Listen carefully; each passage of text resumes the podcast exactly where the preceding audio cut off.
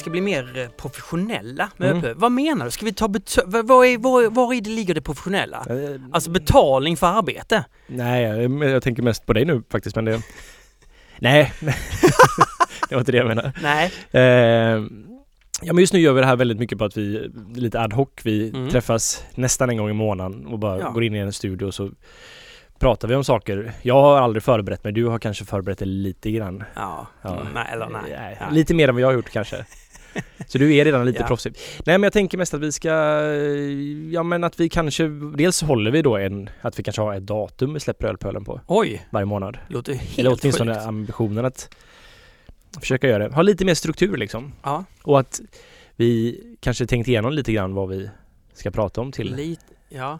Eh, Att vi, jag skulle gärna vilja ha att vi har någon form av del i programmet i alla fall där vi har lite mer att eh, ja, men prata om aktuella grejer som har hänt sen senast och sådär. aktuella, aktuella grejer och till det så tycker jag att ehm, eh, alla ni lyssnare matar oss med frågor. Vad, vad är ni intresserade av? Vad vill ni veta? Och Jag tycker det kan vara allt från eh, allt från hembryggartips eller funderingar till öltendenser till livet. Ja.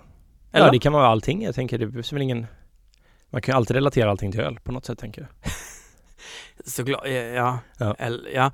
Eh, Nej men eh, så att vi får en, så att eh, vi samlar på oss frågor till varje avsnitt så vi Ja, får precis. den, den det, det, det är ju intressant, jag menar vi kan ju inte hitta på alla våra få egna frågor. Kan Nej precis, Nej. Vi börjar ju bli lite, det börjar sina nu liksom, lite grann för oss. Efter två år. Så nu behöver vi lite hjälp helt enkelt. Li, lite hjälp, ja, Ja. precis. Ja, Nej men också så här att vi kanske ska börja använda oss av en hemsida eller liknande, att vi har lite mer hemsida Ja men att så här, om man fixar ihop något enkelt. Jag har ändå jobbat med det, det Enkelt. går säkert att fixa. Ja. Ja. ja, och hur jobbar vi med den här underbara reklamfriheten som gör, som gör oss helt fria i sinnet? Mm. Ska vi, ta, ska, vi, ska vi ta betalt? Ska vi smutsa ner oss fullständigt? Och ta in någon, Ja, så jag kan tänka mig göra det om det skulle kännas rätt. så länge det är Heineken. Ja precis, så länge det är Heineken. så, är det, så känns det lugnt. Ja. Det, det har du rätt i. Mm. Du, eh, på tal om Heineken. Mm. Kan vi komma in på den här eh, grejen som har hänt nu? Att ehm, ja, Beavertown har ju sålt en bit av sig själva. Ja, Till alltså det här Heineken. engelska hantverksbryggeriet Ja. som det har gått bra för. Det har gått har, jätte, jättebra för som har dem. gjort väldigt, väldigt bra öl. Ja, helt okej öl. Helt okej öl. Ja, jag har aldrig varit ett Beavertown-fan faktiskt. Nej, okej. Ett, men de har ändå haft de, de hade har haft de har köpts upp av Heineken. Nej, inte köpts upp. Nej. De har sålt en liten del av sig själva. Jag tror det, det vet vi inte hur stor del det är. Nej. Men de säger att det är en minority stake. Alltså en... 2 procent. Nej men jag skulle gissa att det är väl mellan 10 och 20 procent kanske. Ja. Det är min gissning. Jag har sett att eh, väldigt många är upprörda. Har du det? Jag tror att alla tyckte det här var en fantastisk grej. Ja. Eh, och jag hörde av en eh, källa att eh, om de är, kan de vara 10 bryggare så har åtta sagt upp sig nu de senaste tre månaderna. Ja, direkt efter det här beskedet så sa fem upp sig direkt.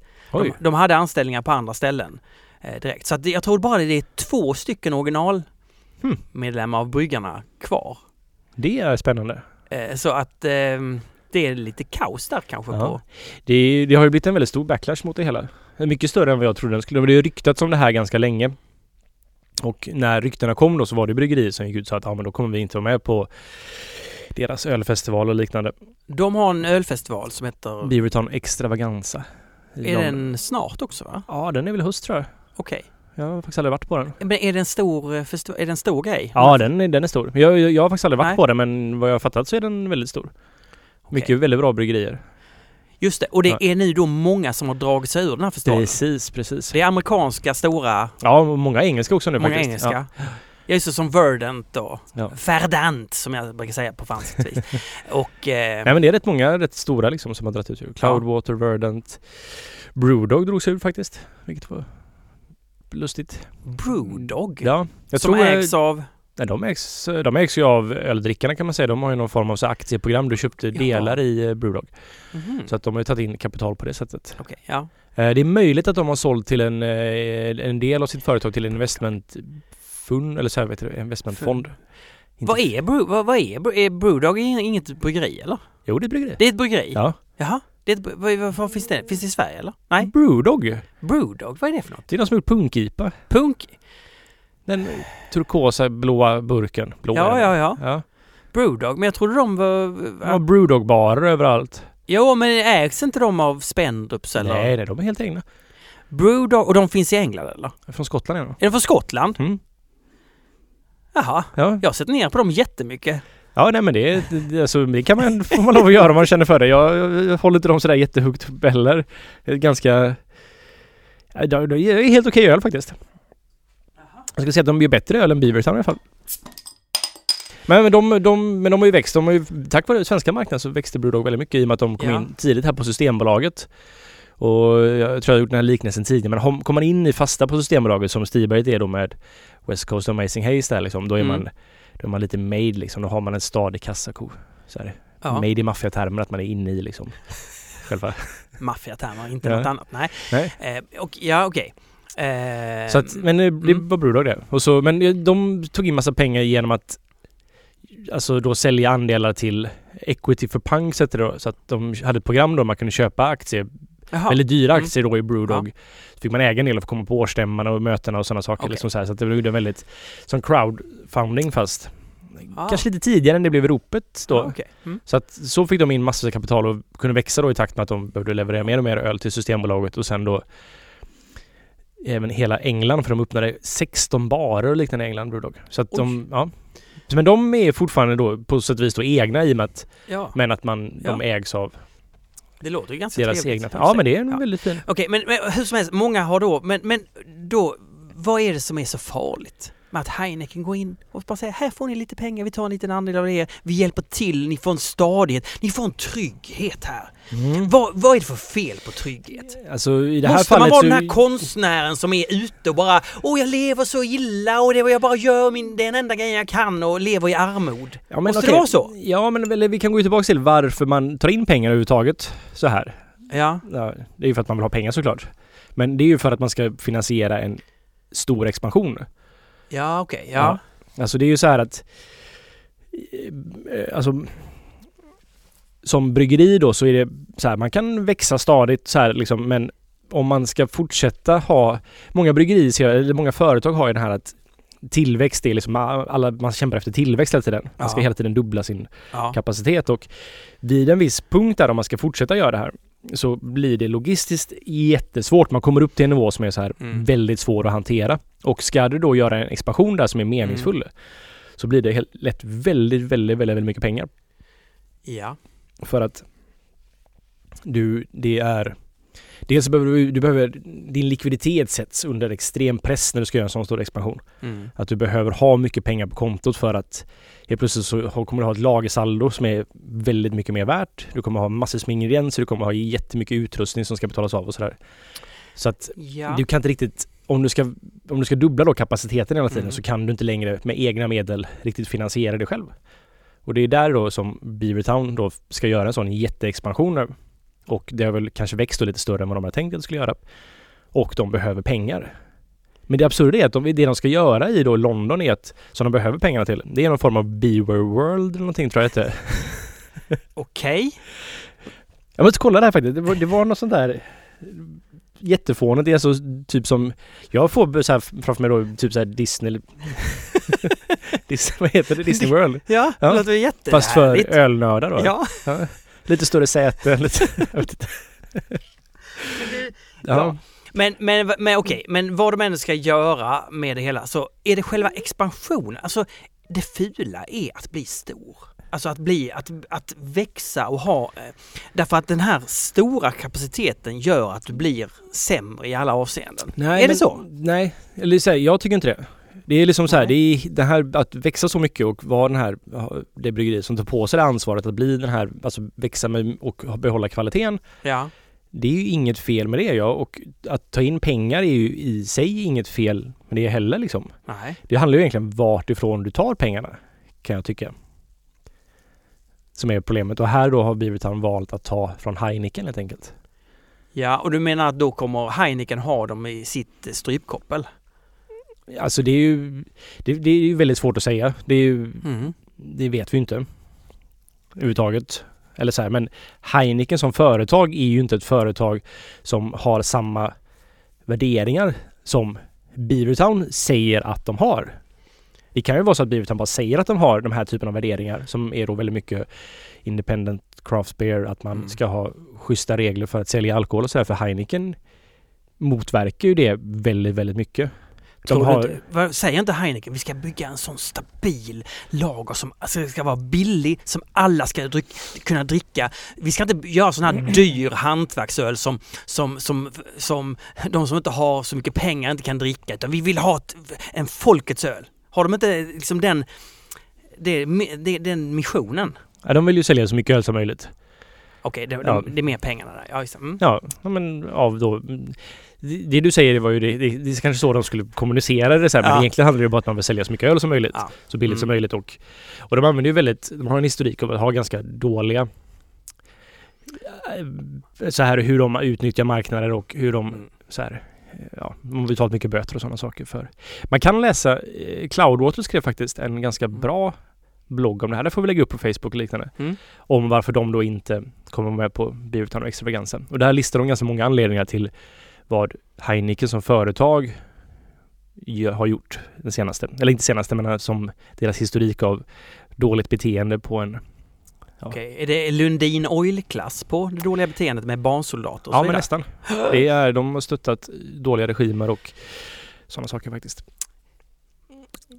Japp. Ja. Nej men och det är Ja. så här, men det för mig är det väldigt, väldigt märkligt när man då Alltså om man läser då, man kan, vi kan länka till Beavertowns eh, Logan Plans då Mm. eh, pressmeddelande också för det här att vad han skriver och han förklarar det här jättefint och men samtidigt så om man bara tittar på det så det är bara ord han, det är påhitt, det är bullshit liksom. Det är, ja men det är faktiskt det det är. Han, han behöver pengarna till att finansiera den här grejen. Mm. Han förklarar varför de valde Heineken. Eh, jag tycker det var ett jättedåligt val personligen. Alltså att, Mm. och jag tycker att den backlash som kommer nu är, ja, de förtjänar det. För att det här rimmar illa med många personer i den här branschen. Att knyta an sig till den typen av företag. För att det finns ju en potentiell, det som jag är mest, inte orolig för, men det som jag tror är liksom det som kommer hända är att, och vad de själva ser, men det här anger de inte som anledning. Det är inte så att Logan Plant skrev det här i brevet riktigt. Han nuddade väl lite med den. Att det svåraste när det ska växa så här mycket är ju distribution av öl. Eller något så här, att få ut Ja. så här mycket öl Ja. är ju svårt. Mm. Heineken har ju väldigt bra, Distributionsnät. precis. Och ur Heinekens synvinkel Mm. så är det så här, Heineken kan ju inte, bara sätta sig ner att vi behöver göra ett, skapa ett eh, mikrobryggeri för att folk verkar ha det, vill ha det nu liksom. Mm. De märker ju själva så här att deras Mm. barer de har knutit till sig vill ju ha mer och mer specialöl liksom. Ja. Men det är inte så att de bara själva kan sätta sig ner och starta ett liksom. För det kommer vara ett Heineken. Men nu då så äger de en liten bit av Beavertown. De kommer distribuera deras öl. Vill då eh, bara ha något så här så kommer de, ja men då har vi vi har den grejen fixat åt så att vi kan få Beavertown här liksom. Det kommer då göra att det blir, de kommer liksom de här Heineken-barerna då som är lite, som- de kommer Mm. säga att Heineken blir den enda suppliern av öl till dem. Mm. Mm. Och det är inte bra för en bättre marknad helt enkelt. Nej, men, det, men å andra sidan, Beavertown kommer att sälja öl så in i helvete därför att de kommer kunna erbjuda den ölen lite billigare till de här barerna och barer vill ha billig öl. Det är Mm. några få som vill ha den här superkvaliteten som får kosta mycket. Ja. Så det kommer att sälja så jäkla mycket. Det är bara att gå, gå omkring, gå runt på Göteborgs eh, barer och kolla vad de har för öl och bara jaha, det, det ägs av det där företaget, alla de här ölen som, som ska vara Mm. lite speciella. Ja, Jag väldigt, spottar på det. Jag spott, går omkring och spottar! Nej, det gör jag inte Ja. men... men ehm, Ja. men jag, Ja men det, det är vad jag tror. Ja. Det, det, Ja. det är nog vad jag tror att Heineken ser som investeringen i det hela Ja. liksom. Heineken äger ju för övrigt 50% av Lagunitas också. Oh, Mm. Lagunitas Ja. alltså. Mm, mumsig. Du, jag tänker på Dugges gjorde ju en variant där de tog in distributör. De, var det så att de går runt på Carlsbergs system för att distribuera sitt, sin öl? Ja, det gör de väl, men det är nog bara för krogförsäljning tror jag att Carlsberg... För det var för, också för att nå ut mer, men de... Ja, det är, men det är en vanlig distributionslösning Ja, liksom. ja. Men det är du- som att jag- anlita som en importör eller vad som helst. Men jag liksom. vet också att vissa reagerar lite på det. Oh, ska de eh, blanda sig med dem? Men, Ja, men det är ju en...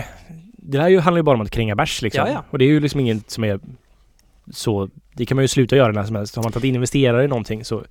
men om Carlsberg hade haft barnsoldater på reguljär basis, då hade det väl ändå det här varit lite fel att använda deras distributionsnät? Ja, så kan man se det. ja. Alltså jag Ja. tycker gränsen går vid barnsoldater på något sätt. Mm. Det, mm. Ah, Okej, ja men där Ja. ser man. Där ser man. Där, Men ja. sen så kan vi ju bara nämna det så här att det är ju...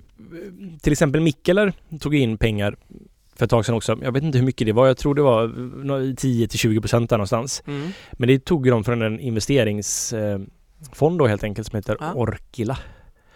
Som, Orkla? Or, nej, inte Orkla utan Nej. Orkila, en New. York-firma. En New York-firma. Ja, Mm. och ehm, det är ju också samma, de, han, behövde, han expanderade ju för några år sedan, en, gjorde en, han, vad ska man säga, han Ja, företaget, liksom, det gick väldigt, väldigt snabbt för företaget att nå ut till väldigt mycket mer öl med öl i USA och även här i Europa liksom att Mm. det, han steppade upp det ganska mycket. Och då behövde han pengar för att kunna liksom göra detta. Öppna nya Ja. och sådana saker. Ja. Och då tog han in Orkelab. Och eh, Omnipojo har också satt in pengar faktiskt från den här fonden. Är det en ond fond? Eller är det, Det en... vet jag, jag tror Nej. inte det. Det är nog bara så här, de vill, alltså de har ju ofta ett helt annat, ett Mm. företag kanske har sekundära motiv med varför de skulle be, köpa in sig eller de har Mm. sina egna motiv varför de skulle Mm. köpa in sig ett företag. Den här fonden vill ju egentligen bara ha tillbaka sina pengar med en viss, de tror ju på, det här Ja. är ju liksom en Ja. långsiktig investering men ändå bara rent, det här är pengar, inget annat. Mm. De har liksom inte ett de har inga andra sekundära motiv. Vilket jag då tycker är, om man behöver pengarna så tycker jag det är mycket, mycket bättre väg att gå. Faktiskt. Beaverton har ju valt den absolut sämsta vägen här. Faktiskt.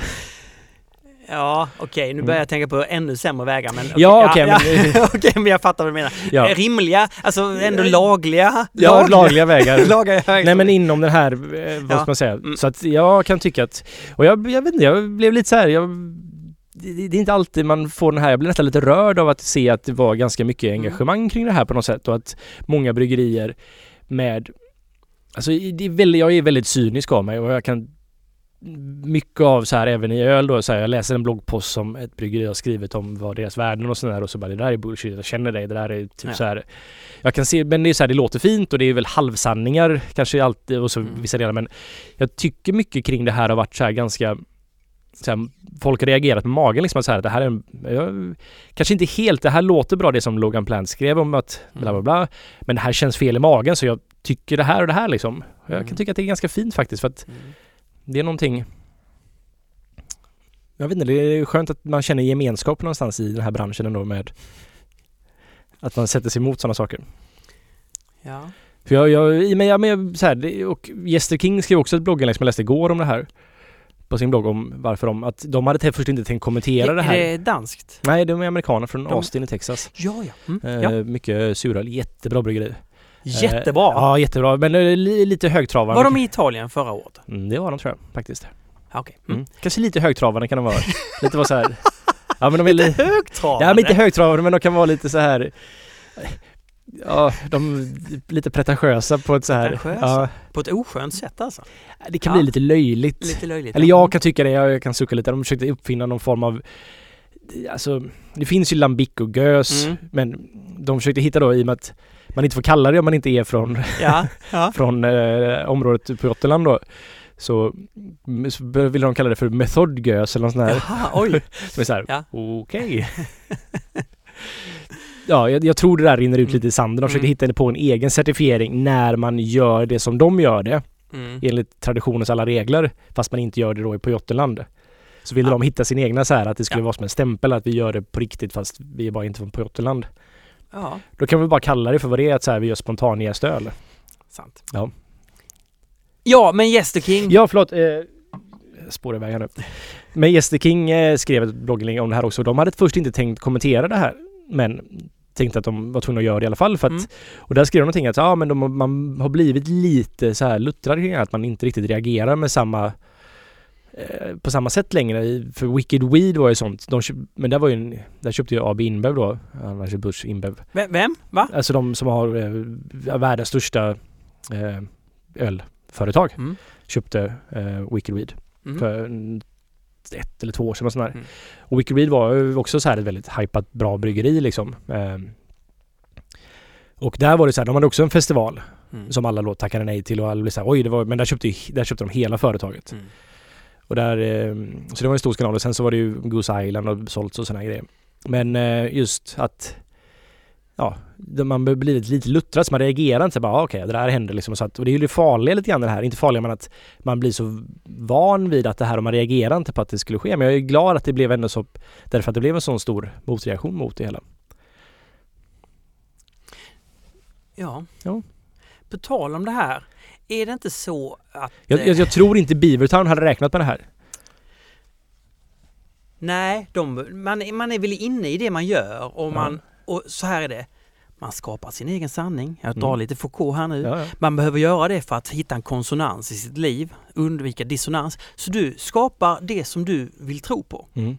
Och de tror naturligtvis på att nej men det är väl inte fel, vi, gör något, vi kommer göra någonting bra med de här pengarna. Mm. Sen att det kommer från Heineken, ja men det, det de har ju råd och de, de gör ju någonting bra då. Om de gör dåligt an, annat med barnsoldater och, och kadaver och så vidare så gör de någonting bra här och väger upp det och vi hjälper dem, vi gör dem lite bättre. Så kommer de att förklara det för sig själva såklart. Så hela livet, i alla situationer. Oj! Ja, det gjorde du rätt i. Bara ge den. Du, Mick, jag hoppade till detta. Eh, Mikkeller San Diego. Jag påstår att Mikkeller San Diego gör Mikkellers bästa öl. Ja, då var det klart. Jag har Ja. dock inte provat den här nya Mets-arenans öl faktiskt. Nej, okej. nej. Ja. Men det är väl mer, nej, men jag tycker bara att de här amerikanerna, de är ganska duktiga ibland du. de är jätteduktiga på öl. Ja, Ja. ja. Men jag menar, det är ju Mikkelers han har ju Warpigs, men det är ju Ja. tillsammans med Treefloor, så det är ett eget varumärke egentligen. Ja. Sen så har han ju Mikkele San Diego som bryggeri. Nu har han ju då också i Mets Arena har han ett bryggeri också. Ja, okej. Ja. Ja. Ehm, men så att ja, men det är väl, men det är också så här, han, äh, mesta ölen brygger han ju på The Proof och på något annat ställe i USA. Ja, Ja, ja, okej. Mm. men av hans egna grejer så, ja men det är nog Mm. det bästa. Det var inte så bra i början tyckte jag inte, men Nej. det har blivit bättre Nej. och bättre. Ja, men sen vi var över där vet du, så boom. Var vi över? Vi var inte över. Nej, Barnaby var där. Han var där, Ja, just det. där. Men då var vi väl över, Ja. eller? ja? Ja men det är ju, Stigberg var ju där. Ja, det, den, blir, Ja. den blir ju supergod. Nej det tyckte jag faktiskt inte. Nej. Jag, jag tyckte den smakade vax och tvål. Nej, jag ja.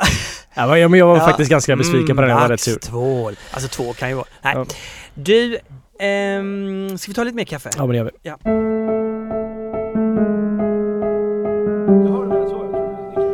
Du, Ja. eh, en sak som jag, jag tar en grej här. För, eh, du, Mm.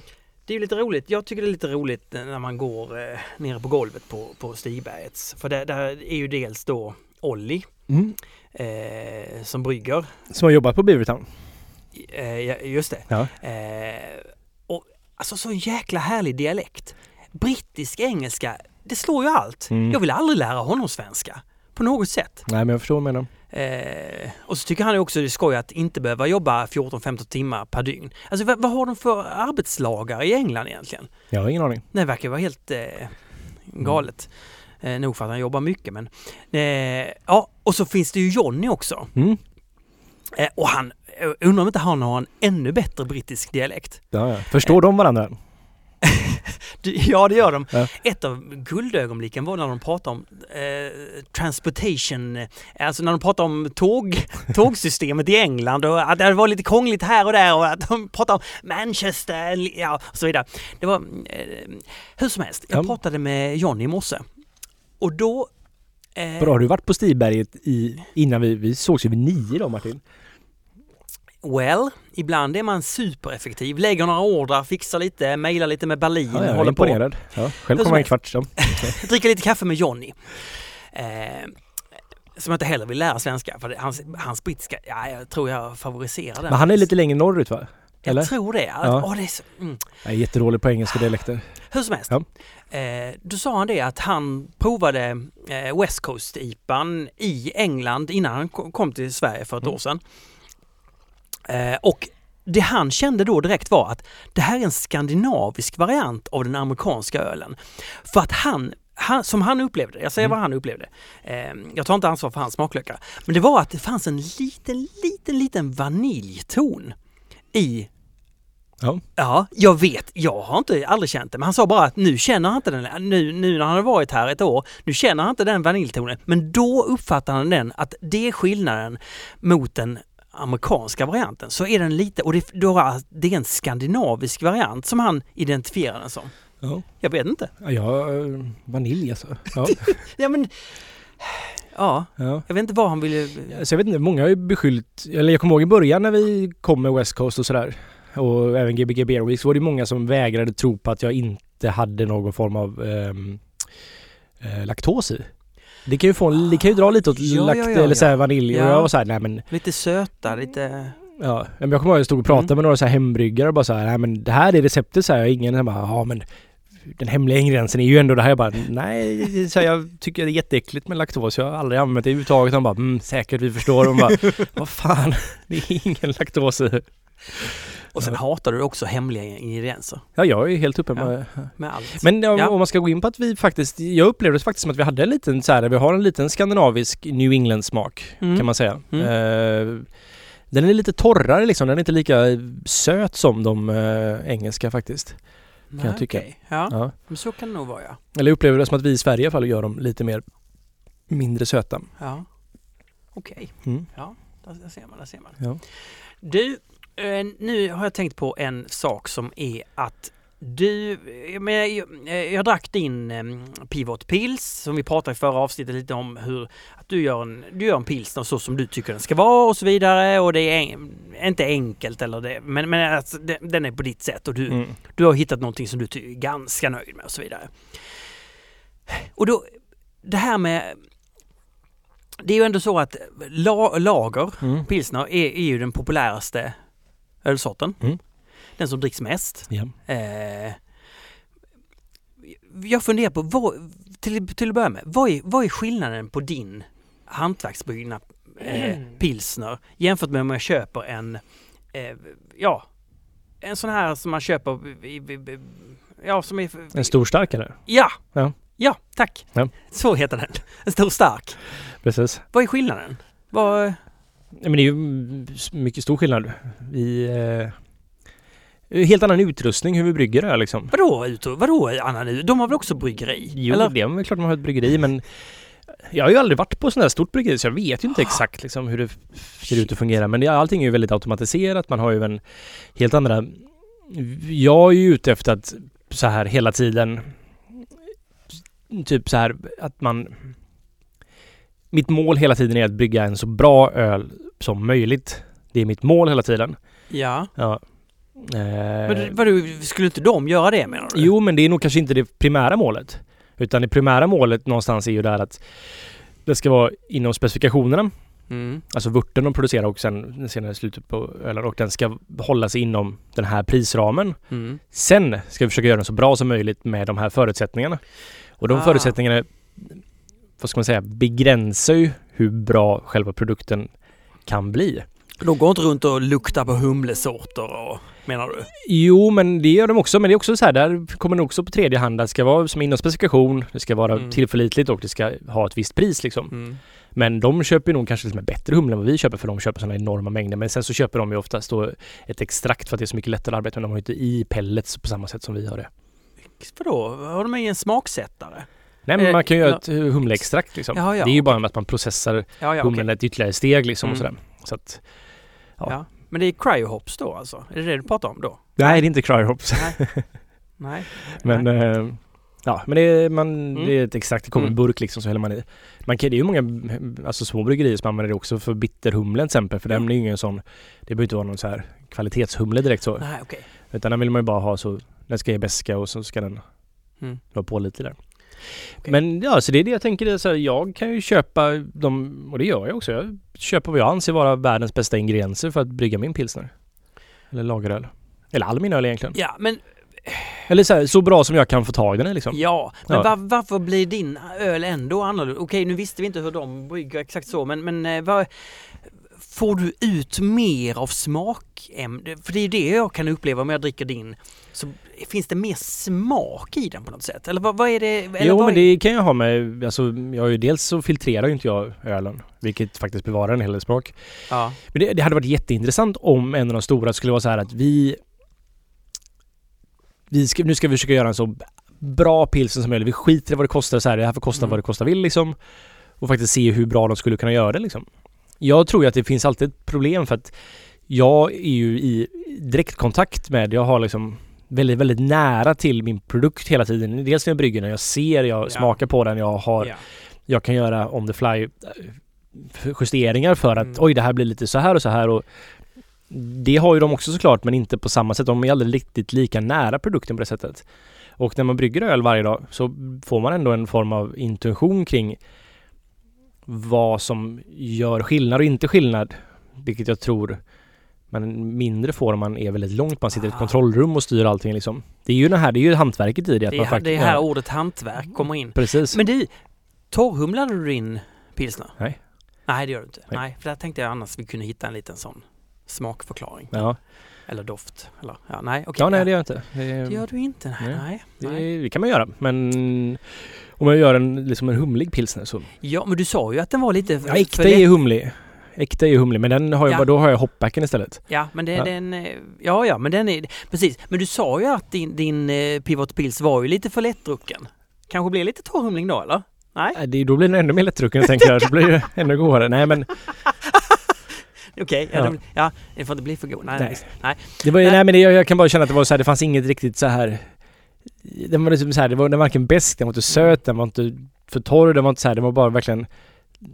Det var liksom inget motstånd alls i det liksom. Nej, det, Man kan det, lite- det märkte jag nu ja. när jag var... Alltså, det Så här, kanske lite, ganska liten kolsyra också, Nej, så det blir väldigt lättklinkat. Magiskt, magiskt lite av allt. Eller Så du förstår? ändå- Ja. Nej men det jag tänker är med, med de här industrilagren eller storstarken, alltså att den har ju en viss typ av smak också.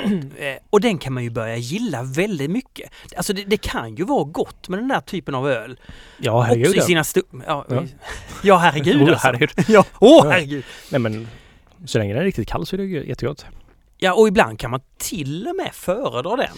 Faktiskt. Och det, så att jag menar, de, ju- man gör ju inte en dålig produkt. Så att... ehm, för man, vissa vill säkert hävda att den där bara är skit och att man bara kan dricka den här Mm. hantverks... Men det var om man ska gå in på då, den här med Ja. Beavertown Heineken-grejen igen, så kan man ju hävda att Många hävdar att det där är skit och kanske inte riktigt tänker på sammanhanget och smakerna så här om man är bara helt objektiv till kring att den här ölen är skit för att den smakar skit eller, Mm. eller för att det är faktiskt företaget i sig som är skit. Det är svårt att vara helt objektiv där om man... Ja men jag Ja, kan ju, jag kan ju ja, ja, tycka att ja. Tuborg är Grön är jättegod i Köpenhamn, jag har sagt det förut och jag, Mm. jag, jag tycker det är Mm. jätte, jättegott. Det är verkligen en kall Tuborg grön i Köpenhamn. Väldigt, väldigt färsk, är väldigt, väldigt gott. Det är Ja. rent objektivt. Sen kan jag tycka vad jag vill om Carlsberg och jag på det sättet tycker jag att det inte är en så bra öl. Mm. Faktiskt. Just det, ja men det, jag, jag med. Ja, ja, okej. Mm. Men jag menar så här, det, ju, det, är ju, det finns ju riktigt, riktigt dålig makrolager. Alltså som är, smakar fruktansvärt, smakar massvis med DMS och Ja, så här metalliska smaker och liksom verkligen det här är en dålig produkt. Men jag, skulle, jag tycker inte så här, Spendrus produkter är ju inte dåliga på något sätt. Till Nej. exempel. nej. Och det är inte Carlsbergs heller för det mesta utan det är ju liksom Men de finns ju såklart där de här riktigt dåliga. Jag kommer ihåg i Grekland så har jag druckit så här riktigt, riktigt är så här, har de ens kokat den här ölen liksom? Men Det är så mycket DMS så det är helt, ja. Eh, jo, det här med, ja, men det, det är intressant det här för att eh, då kan man ju tänka sig, för Spenders har vi köpt upp, de har väl någon Brutal Brewing, är det de som äger det? Ja men de startade Brutal Brewing. De startade Brutal Ja Brewing? precis. Okej, de så det är, det är startade som ett sidoprojekt inom Ja. Spendrups kan man säga. Ja, okej. Ja. Men då har de, har, har de köpt in ett lite mindre bryggverk då, eller gör de det på sina stora bryggverk? Nej de har ju testbryggeri så att där tror jag, jag vet inte exakt historien. Jag har fått höra den en gång från någon av de som Ja. jobbar på Brutal Brewing men jag tror det började med en ganska engagerad snubbe liksom som Mm. jobbade där. Kanske var en tjej till och med? Nej. Ja, det var en kille och tjej faktiskt till och med. Jag kommer faktiskt Ja, inte okej. ihåg. Men det var någon person på Spendere som typ så här ville testa att göra lite mer så här brutal öl. På den sidan liksom. Antar jag kan vi inte göra lite riktigt brutal öl på riktigt? Mycket beska och mycket humle. Ja. Ja, Nej men så det, Mm. de har ju ett pilotbryggeri liksom. Som säkert är större än vad vårt bryggverk är men Ja. ja. men för det... Eller kanske inte är det, men ungefär som vårt. Och då började jag brygga där och sen så har de då gick det bra liksom.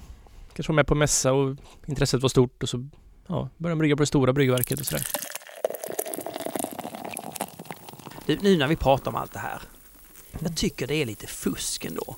Alltså gör man en produkt som innehåller alkohol, Ja. då, då är det precis som att man har, man har fuskat sig till framgång. Det är ju redan alkohol i det. Det är klart att folk kommer att gilla det. Alltså man gillar ju det di- direkt. Och det är alkohol i, jag gillar det. Mm. Så det här, det här, vi har ju bara massor med finsnack kring den här. Det är ju bra redan från början. Det är alkohol. Häll i alkohol i glassen. Och shit vilken god glass alltså. Vi, är Alltså, du man- med? Ja, men, ja. Nej, okej. Vä- Får jag backa lite? Frysmågan tappas ju så glass inget bra Nej, men jag, exempel. jag, tänk, tänkte det, det är så här. Du har alkohol. nej, jo, mm, visst. Men, Jag förstår poängen. ja, jag förstår. Den ena saken är att det är alkohol i. Det är, så, det är så lättjobbad produkt. Det är nästan fusk. Alltså jag tycker, jag, jag börjar nästan hata alla som håller på med alkohol. För det, det är fus, fuska sig till framgång. Alltså, knyppla dig till framgång säger jag. Mm. Där har du en utmaning. Men hur som helst. Nej, men, men sen det andra är ögonblicket man dricker en öl. Mm. Alltså den här ofiltrerade urkellen. Den har varit så jäkla äcklig vid tillfällen. Jag tycker, vad är det för skitöl det här? Sen har jag druckit vid en annan tillfälle jättegod öl. Jag har druckit eh, Norrlands guld. En av de godaste öl jag bara, ja, sagolikt god. Så har jag druckit, och är du med mig? Mm. Jag sätter, Jag i mig, alla fall. jag sätter mig till exempel på Kinos uteservering, jag och min syrra. Och så är det lite sol. Och det är fruktansvärt trevligt från början. Vi kan ju Mm. dricka vilken öl vi vill. Det kommer ju vara svinagott. Precis. Om det inte är för mycket sol så att öl blir skunkad. Åh, oh, Ja. skunkad. Precis. Nej men ja. Du, jag vet vad jag sa till? Jag, jag, jag, förvanskar nog det ena och det andra. Ja, det Eh, tror jag säkert du gör. Jag sa till Daniel idag att, att, eh, att du påstod att en minut i solen Mm. fördärvar humlen. Det gör den. Han skrattade. Mm. Ja. Ja. Men då ska jag skratta tillbaka. Ja, det kan man göra. Gör egna experiment där. Det är väldigt bra efter. Det här är allt det här har jag upptäckt genom att jag sitter och, eller satt och drack öl på efter jobbet på eftermiddagssolen i, på Stibergs lastkaj där. Ah, det är väl, väldigt bra lastkaj att sitta och... det är jätte, jag saknar den väldigt mycket faktiskt. Ja, Mm. mm. jo men så är det. Livet Ja. går vidare, man saknar. Ja men det, okej. Men du det här med... Jag, Ja, men jag tror jag förstår vad du försöker säga. Alltså det finns ju alltid Sammanhangen gör ju en dryck som öl liksom. ja, Väldigt, väldigt mycket. Att Mm. hur, hur mycket det smakar eller vad, hur man uppskattar den och det här med att Alltså det, nu, nu är det väl det är ju en hård bransch, alkoholbranschen. Mm. Alltså det är ju jättemycket konkurrens, speciellt bland makroölen är det ju en Ja. stenhård konkurrens liksom. Den är ofantligt svårjobbad kan jag tycka. Måste ha jättemycket pengar för att slå det in det liksom. Mm. Vi, där vi jobbar är det också så här men just nu så har det varit ett litet av ett så här race att allting funkar på något sätt. Alla kan starta ett mikrobryggeri och bara Ja. så här direkt få det att snurra lite grann liksom. Mm. Men så kommer det inte vara så snart, tänker jag. Det är Där- den, den, och det- är för att OO Brewing och Stibergs kommer att växa och ta mer andelar och andra. ja, jag tror... Man delar inte på hyllplatsen längre utan man breder ut Nej, sig. jag och- tror det kommer liksom, det kommer liksom stabiliseras lite grann. Jag kanske inte, kanske inte kommer bli så vansinnigt mycket färre bryggerier. Men det kanske kommer öppna nya men det kommer i sådana fall knoppas av eller så här, Mm. kommer gå försvinna bryggerier i samma takt. Om man tittar på hur ölboomen var i USA. Den första ölboomen där på 90-talet när det var det startade jättemycket bryggerier ungefär som det gör nu då. Mm. Eh, och där var ju då problemet, det var ju liksom en... Så då gick det upp jätte, jätte snabbt med antalet bryggerier. Sen så mattades det av, det liksom den kurvan planade ut helt enkelt. Och då var det, då, det öppnade fortfarande nya bryggerier men det stängde lika många. Så att, men däremot så fortsatte ju liksom kurvan för antalet liter hantverksproducerad öl fortsatte bara Mm. stenhårt rakt upp. Så det var ju att de som och det, det jag kan utläsa av det då är att de som var bra på att göra öl började Mm. göra mer och mer öl. Medan Mm. de som var sämre på att göra öl egentligen försvann. Eller alltså i det här sammanhanget så är det väldigt luddiga termer av vad som är bra öl och dålig öl. Jag, jag tror ju alltid att kvalitet vinner men det är inte i de här sammanhangen med alkohol och sådär så är det ju väldigt, väldigt mycket varumärke också. Som spelar roll. Ja, och en annan sak som jag hörde precis. Ja. Det var att när Verdant, Verdant, Ja. Ver, Verdant, när de eh, hade sina 33 centiliters burkar Mm. var det svårt för dem att sälja dem. Ja, Sen ja. så kom den här trenden bara 44 centiliters, den amerikanska varianten. De gjorde det och plötsligt bara sålde de så in i helvete. Ja, det där är märkligt alltså. Det är som, det är... Just nu så är det som att så här, du kan stoppa vad som helst i en 44 centiliters burk och sätta på en etikett med ett... Vad ska man säga? Ja men typ gör ett så här, ett... Eh, vad kallar det? En textur liksom som Ja. återupprepar sig liksom. Du, du Ja. kan ta vad som helst där liksom i stort sett. Du bara har en ganska färgglad bakgrund och så gör du typ... Ja. Tar en sol och så bara sätter den på lite olika ställen så att den går Ja. runt hela burken och så... Åh, snyggt. Så Åh. kallar du för någonting med jag vet inte, kanske haze, jag vet inte. Eller någon så här al- alternativ stavning på juice. Och Ja. det kommer säljas som smör liksom. Men, eh, Men skulle du göra det med en 33 centiliters burk så skulle du förmodligen sälja men inte alls lika bra. men du, Ja. För jag, alltså, ja, så där går ju, så kvalitet där har ju ingen, det har ju, det, den, den boken anspelar på någonting. Som gör att det triggar igång. ja det, det är ju så här, det är ju liksom Trender som går liksom är ju väldigt svår. Om tre, fyra år så kanske vi kan sätta fingret på varför det här Ja. blev så. Men... Och det är så här, jag, jag, jag, har tänkt, jag har faktiskt tänkt på det här ganska mycket.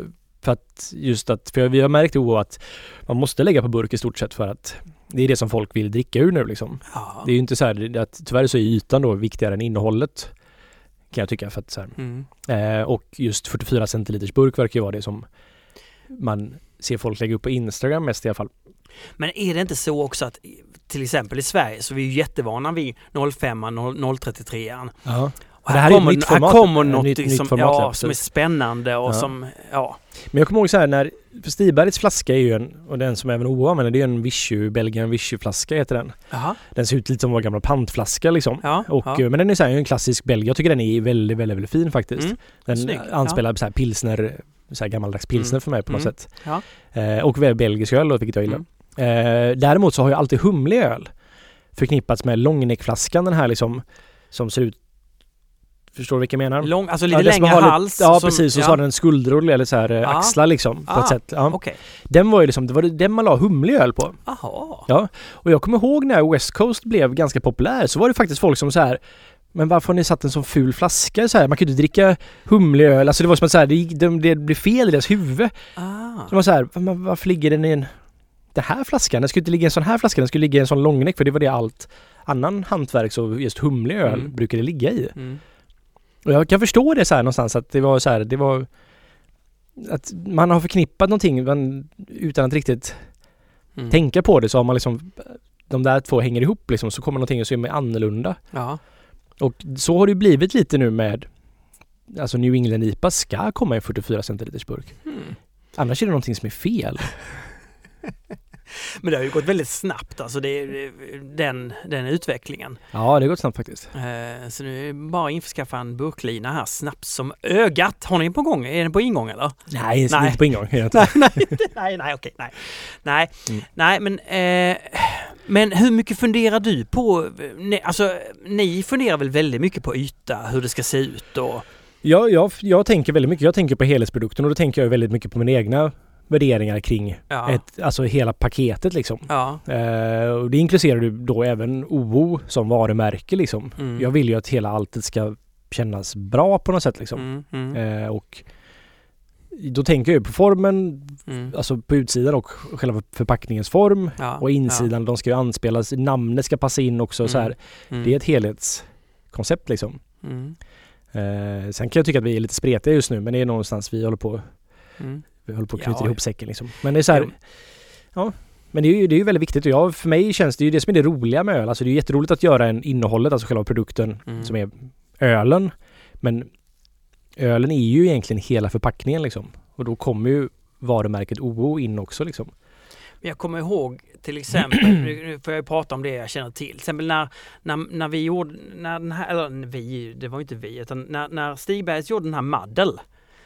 så hade du den här eh, lila skimrande lite eh, Ja, olja. Ja, ja, folie eh, formen och så repeterande ganska eh, precis. mönster.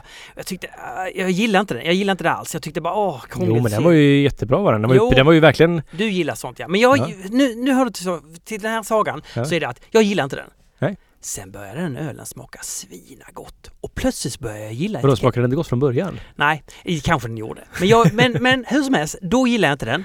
Men på senare tid så plötsligt tycker jag Wow, vad den, vad den... eh, det är nu när du inte är kvar så har de fått... Ja, ja. Jag skojar med dig. Alltså jag, det, det är väl bara så att det är nu jag har provat den eh, lite mer och jag har verkligen eh, fått smak på den, gillar den. Nu har jag slutat dricka öl i och för sig. Men, Ja, men alltså, om vi bortser från det så är Och plötsligt så blir etiketten supersnygg. Mm. Alltså det hänger ju också samman med när man gillar en produkt Mm, så kan det gå åt det hållet att man börjar gilla utseendet. precis. Och i det här fallet så kan det ju vara att den, den, den, jag gillar den väldigt mycket från början och jag Mm. kände just då att så här, ja men det här är ju väldigt, det här kommer gå jättebra. Mm. Synd att den inte är här på burk för att då hade det blivit det har varit lite före, inte före sin tid men den har varit så här väldigt Den skulle ju vara snygg på burk. precis. Ja. Men eh, det var ett bra namn faktiskt. Jag är väldigt nöjd med det namnet. ja, mad. Alltså, ja. Men lera, lera helt ja, enkelt. Ja, men jag tror vi har snackat om det här tidigare i Ölpallen. Har vi? Ja. För det var ju så här, det var ju mm, fortfarande ganska nytt med så här grumlig öl. Och så tänkte jag så här, Mm. madler är någon sån här grej man har i Ah, drinks grej mm, man, madler, just när det. man gör en Mm. mojito eller liknande. Så Ja. Just det, just det. tänkte jag att, ja men det kan man ju säkert döpa. Maddel är ju väldigt oklart vad det är för något. Men alla förstår ändå vad det anspelar till liksom. det. det är bra. Ja. Det är bra. Ja, eh, just det. Om utseende och om Verdant, om 44 centiliters Mm. och om att eh, man må, det, det finns ju något sorgligt i att man Men, måste... Nej, jag kan ju bara nämna det med Ska du? 44. Ja, Ja, ja. Jag tänkte att eh, 44 också, den har ju den bästa ration på något sätt så här, närmast den gyllene ration antar jag, eller något liknande. Så det känns ju som att den formen är den, den är lättare att ta till sig på något sätt. Ja. Alltså, alltså höjden kontra diametern ja, ja, på den. visst, visst. Men det kan man ju göra med en 33 också. Man kan ju bara tryck, trycka ihop den lite grann så den blir lite Mm. högre och lite... Ja, och det kan man göra faktiskt. Det är ju de här typ slim eller sleek kan de heta. Jaha, slim sleek. Ja men det finns massa olika. Mm. Men det är ju så här att man vill ju ha, man vill ju kunna byta mellan olika storlekar. Då vill man ju inte Mm. en buteljerings eller en canningmaskin eller burkmaskin har ju en, oftast en diameter de arbetar med liksom. Så kan man ställa in höjden på dem och du kan inte Ja. ställa in olika diametrar på burken. Ah, nej just det. Så... Så, Så, tror jag det. Mm. Det känns Ja, logiskt. ja, men det är. Nej men det, det finns ju någonting eh, med det här med utseende. Det finns ju någonting sorgligt rent eh, eh, med att, nej men det, det nej, jag vet inte varför, varför säger jag så? Jag har väl en föreställning om att utseende inte ska spela någon roll. Men det gör det, spelar superstor roll. Det spelar superstor roll. Eh, faktiskt. Det, det är så, det är ju så det är. Men jag kan ändå tycka det är sorgligt rent ideologiskt så gillar jag någonting, eh, alltså om du, om du är en schysst och snäll person Mm. så tycker jag det ska vara viktigare än att du är snygg. Mm. Eh, jag, jag, det, det kanske är, jag kanske bara är dum i huvudet som tycker så. Men, men, eh, men jag, principen tycker jag det är så. Och det är klart att eh, har man någon riktigt ful ölburk eh, och så är det jättegott innehåll. Det kan ju också vara en upplevelse i, i, i och för sig. Det kan det ju faktiskt vara. kan ju vara Det kan ju vara den här att wow det här var så fult och så var det så jättegott så, här, så att man faktiskt får den här men, att det förstärker det goda istället för att det drar ner det goda. men risken är alltid att man tittar på den här och så får man en lite sämre smakupplevelse av att man, man, ingången blir lite Mm. Det är Precis. det här med förväntan. I och för sig, Låga förväntningar, då kan man ju tycka det är gott. Men höga förväntningar kan man också göra att man tycker det är... Man kan själv... Det beror på lite hur man fungerar i huvudet där. Ja, ja så, så det. Men, ehm, Ja, det... det ehm, men jag menar med, med, med öl som produkt så har man ju möjligheten att göra det både snyggt och gott. Man har ju all makt över liksom. Det är inte så Ja. att man kan ändra sitt egna utseende så mycket om man är ful men ändå är, jättetrevlig liksom. ja. Så kan man bara vara ännu mer trevlig men du! Ja. Den här grejen. När du slår dig ner på en uteservering Ja. Så får du in en öl, du har bestämt dig, jag vill prova den här ölen. De har den, oj, från det bryggeriet. Så provar du den. Precis när du tar första ölen, då har du ju ingen alkohol i blodet. Det, är bara- alltså jag, jag, har- jag har tagit upp det här tidigare, men det måste ju ha en enorm, alltså hur den smaken är i munnen Mm. Måste vara superstor skillnad mot när du tar nästa öl och du har alkohol i blodet. Ja. Vi pratar ju aldrig om det här. Jag tycker det, det är ju, Jo men Va? självklart så är det så. ja, Du blir ju bättre och bättre på att liksom se bort från den effekten. När du tänker väldigt mycket på vad det smakar och sådär så blir du ju medveten. Ja, Ja, alltså du, du, du blir medvetnare på ja, det. ja det är klart. Det är Ja. klart att man kan. Det är klart att man kan köra bil jättefull, men man får ju vara jättefokuserad. Nej, Ja men det är inte... alltså nej men det är också så här att, eller men jag, det är en skillnad på, jag tror jag dricker öl på ett annorlunda sätt än vad många dricker öl. mm, Jag tänker väldigt, väldigt mycket när jag dricker all öl i stort sett. Det sätter igång Mm. mitt så här analytiska tänkande, vad det här och bla bla bla och hit och dit och sådär. mm. Jag tror och hoppas inte det är så de flesta dricker öl utan de Ja det här var gott och så typ Nej men det var ännu godare andra gången man dricker det. Och liknande. ja, Ja. Men det som, jag, det som jag själv reagerar på väldigt mycket när jag så här att jag, I och med att jag provar öl ganska ofta så här Mm. klockan åtta på morgonen när jag kommer in till jobbet så ska jag prova öl från en tank och sådär liksom att så här att det första man dricker är så oj herregud det här smakar ju jättebäst och sjukt vad jobbigt det här var och så ja, Det är inte så att jag, jag spottar ut det och så bara så här så får man vänta en stund till och så bara så här, ah, okej men nej men det var inte så farligt som jag trodde det var. Utan nej, det är man, måste ju vara skillnad. Ja, och direkt efter att du har- druckit kaffe också så... Ja, eller kanske ens innan jag druckit kaffe eller så här Oh. bara typ så här inte käkat frukost utan att det är bara direkt första man dricker är en dubbel-IPA. Men du, du kanske Mm. bara du, du kanske ska göra så här när du kommer in på morgonen. Så har du en liten skål med grillchips som du bara trycker i dig snabbt massor med grillchips. Då har du ju liksom marinerat munnen i lite sådana där smaker som gör att, att ölen kanske mer, Ja, inte grill eller? Dill? Dill? dill, dill. Alltså jag växte upp med dillchips. Ja, Jag älskar dillchips. alltså dill är bland det bästa jag vet. Mm. Ja. Mm. Ska vi ta en paus eller? Jag måste det, kissa, det, här måste- börjar bli väldigt flummigt också. Nej men...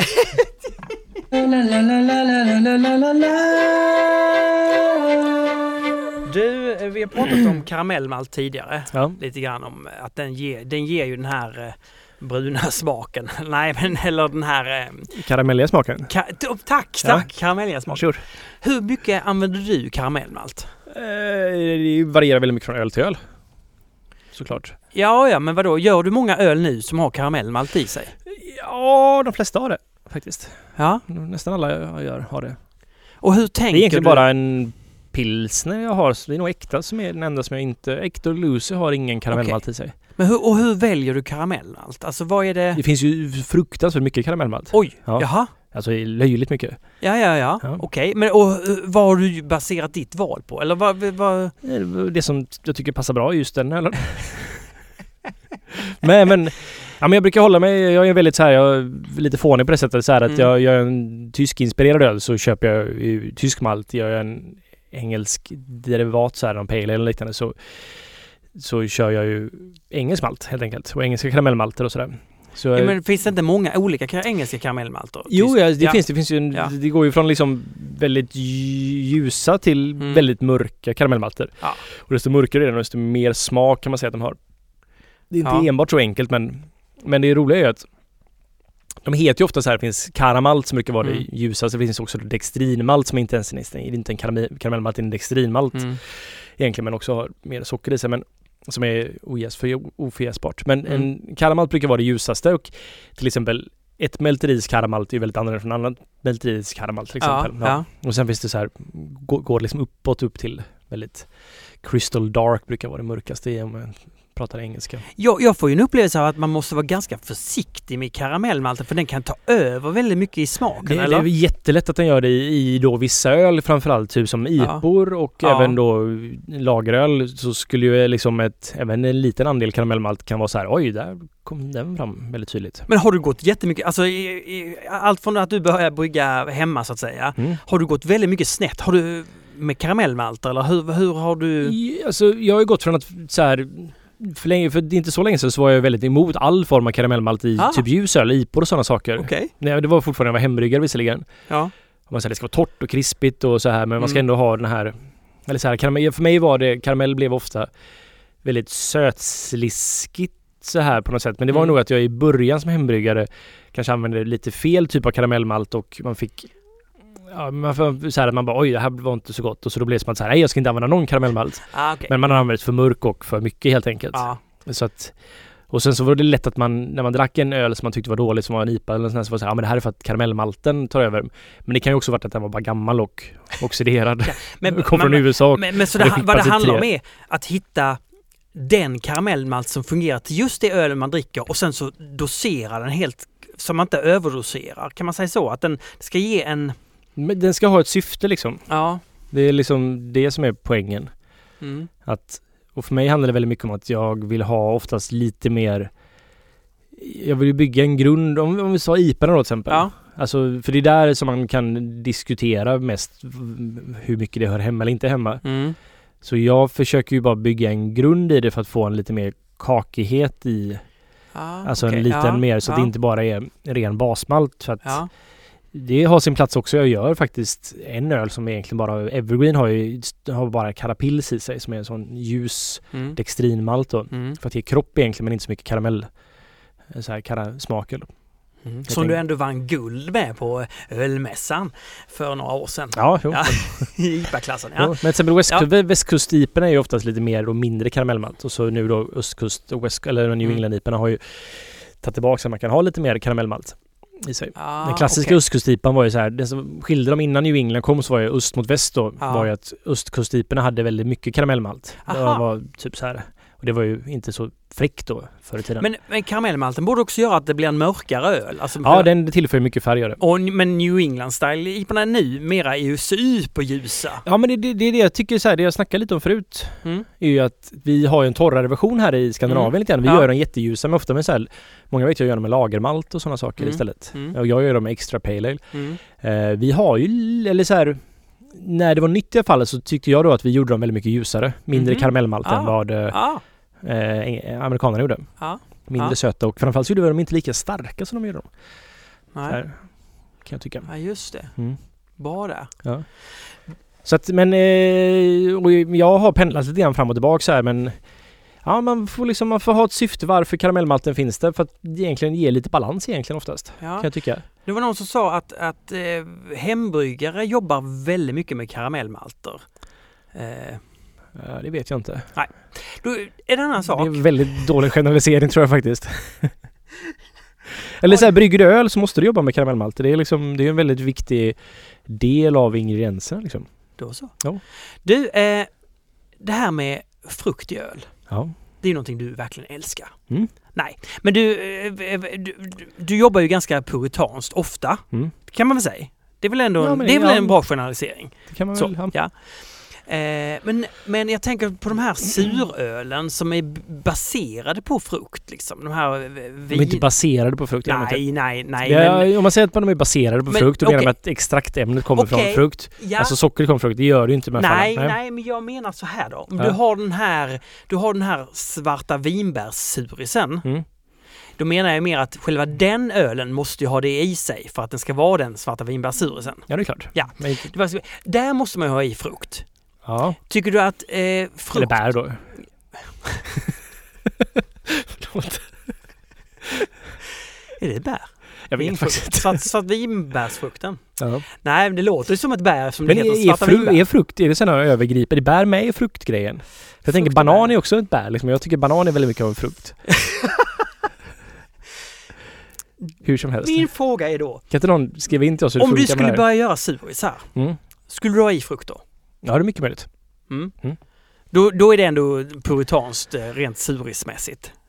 Ja, alltså är det gott så är det gott liksom. Jag Ja. tycker körsbär är ju jätte, jättegott i suröl kan jag tycka. Men tycker du aldrig det är gott att ha i frukt till exempel i en IPA? Är det inte gott? Eh, jag har ju haft frukt i IPA när jag jobbade på Stiberget. Ja. Vi har ju haft eh, ganska mycket mango och sådana saker i öl. Ja. Ja, om man ska vara helt ärlig, jag tyckte aldrig det blev bättre. Jag tyckte alltid man kunde nå högre höjder med bara humle faktiskt.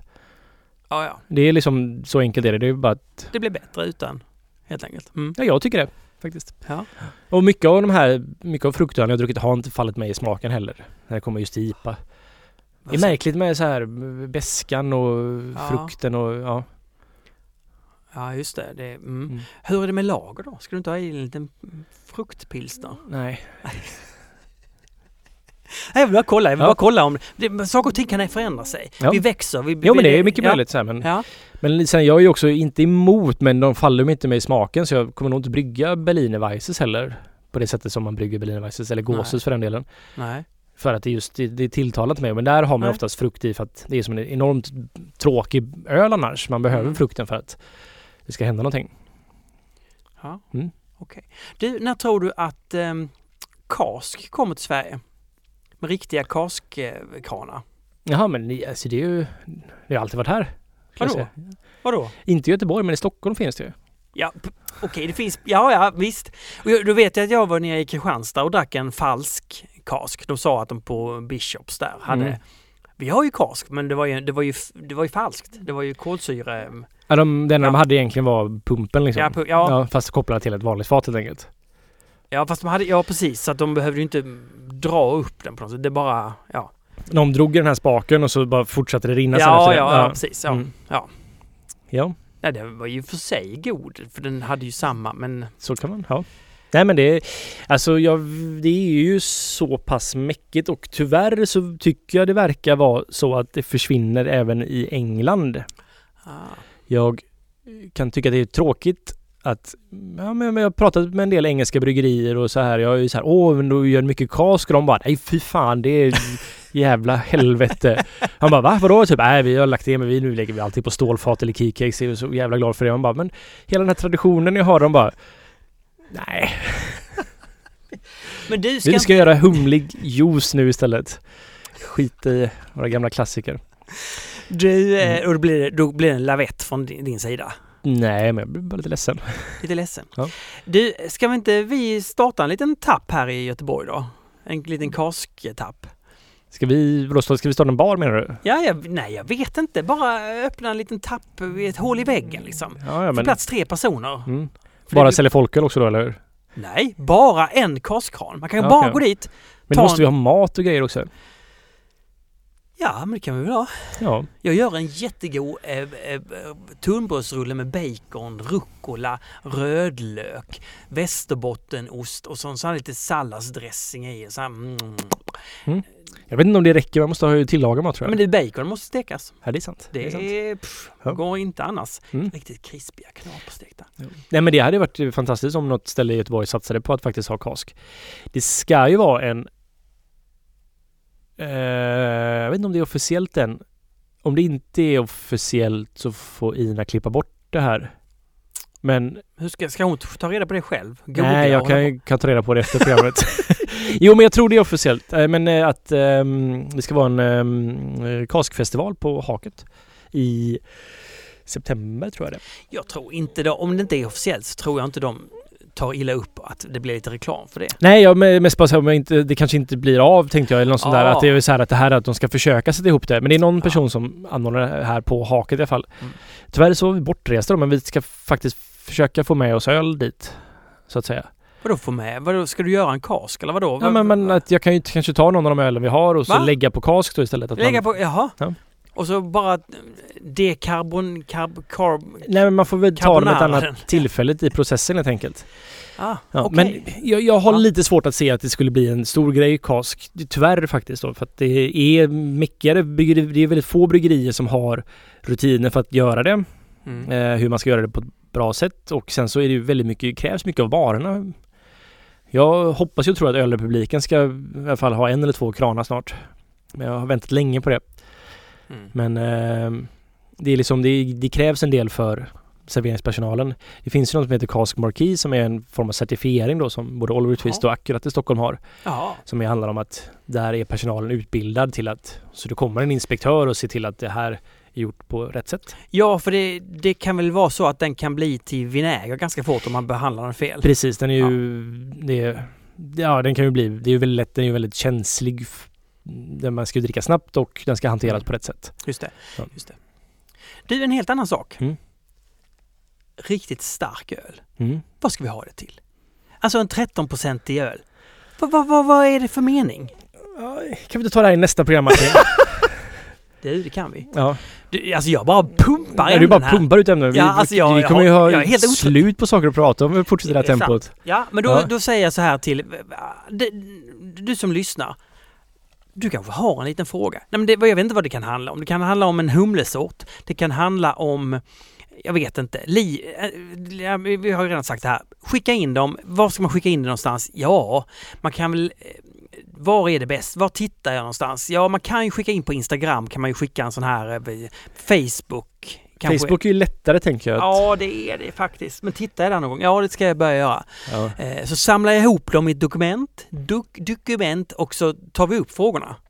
Så har Mm. vi en liten Fråga Olle-stund st- stund här Mm. helt enkelt. Fråga Olle. Ja. Ja, det tycker jag är bra. Eh, ja, men det har varit roligt. och vi tar upp alla ämnen runt hela livet så att det, det är och öl och öl. Ja. Ja, ska du iväg och brygga nu då? Eh, Nej, städa. Städa ska jag väl göra. Ja. Tänker jag. Det är väl bra. Mm. Tittar ni på alla fotbollsmatcher ute på bryggeriet eller? Eh, TVn är väl igång i bakgrunden. Det är inte så att igår så var det bryggde jag öl till väldigt sent och då gick matcherna i bakgrunden kan man säga. Ja, Men eh, vi så kollade på Sverigematchen. Det var jättefint. Vi byggde upp med eh, så det. ja, maltsäckar och ting. Ja. Jättebekväm soffa. Alltså, jag höll ju på och gjorde massa grejer så jag sa bara till eh, Dilly var där som Ja. eh, tyska installatören som är nu Ja. här och installerar Stibergs nya DME-bryggverk. Ja. Eh, så roligt att se honom igen och sådär. Oj, han måste ha varit ledsen. Nej men han, han hade typ redan innan matchen accepterat att Tyskland var dåliga. Så Ja, det var ju ja. som att så här, om inte det är lite, jag tänker att det är lite tyskt också så här att ja, men han känner på sig att okej vi är inte bäst nu.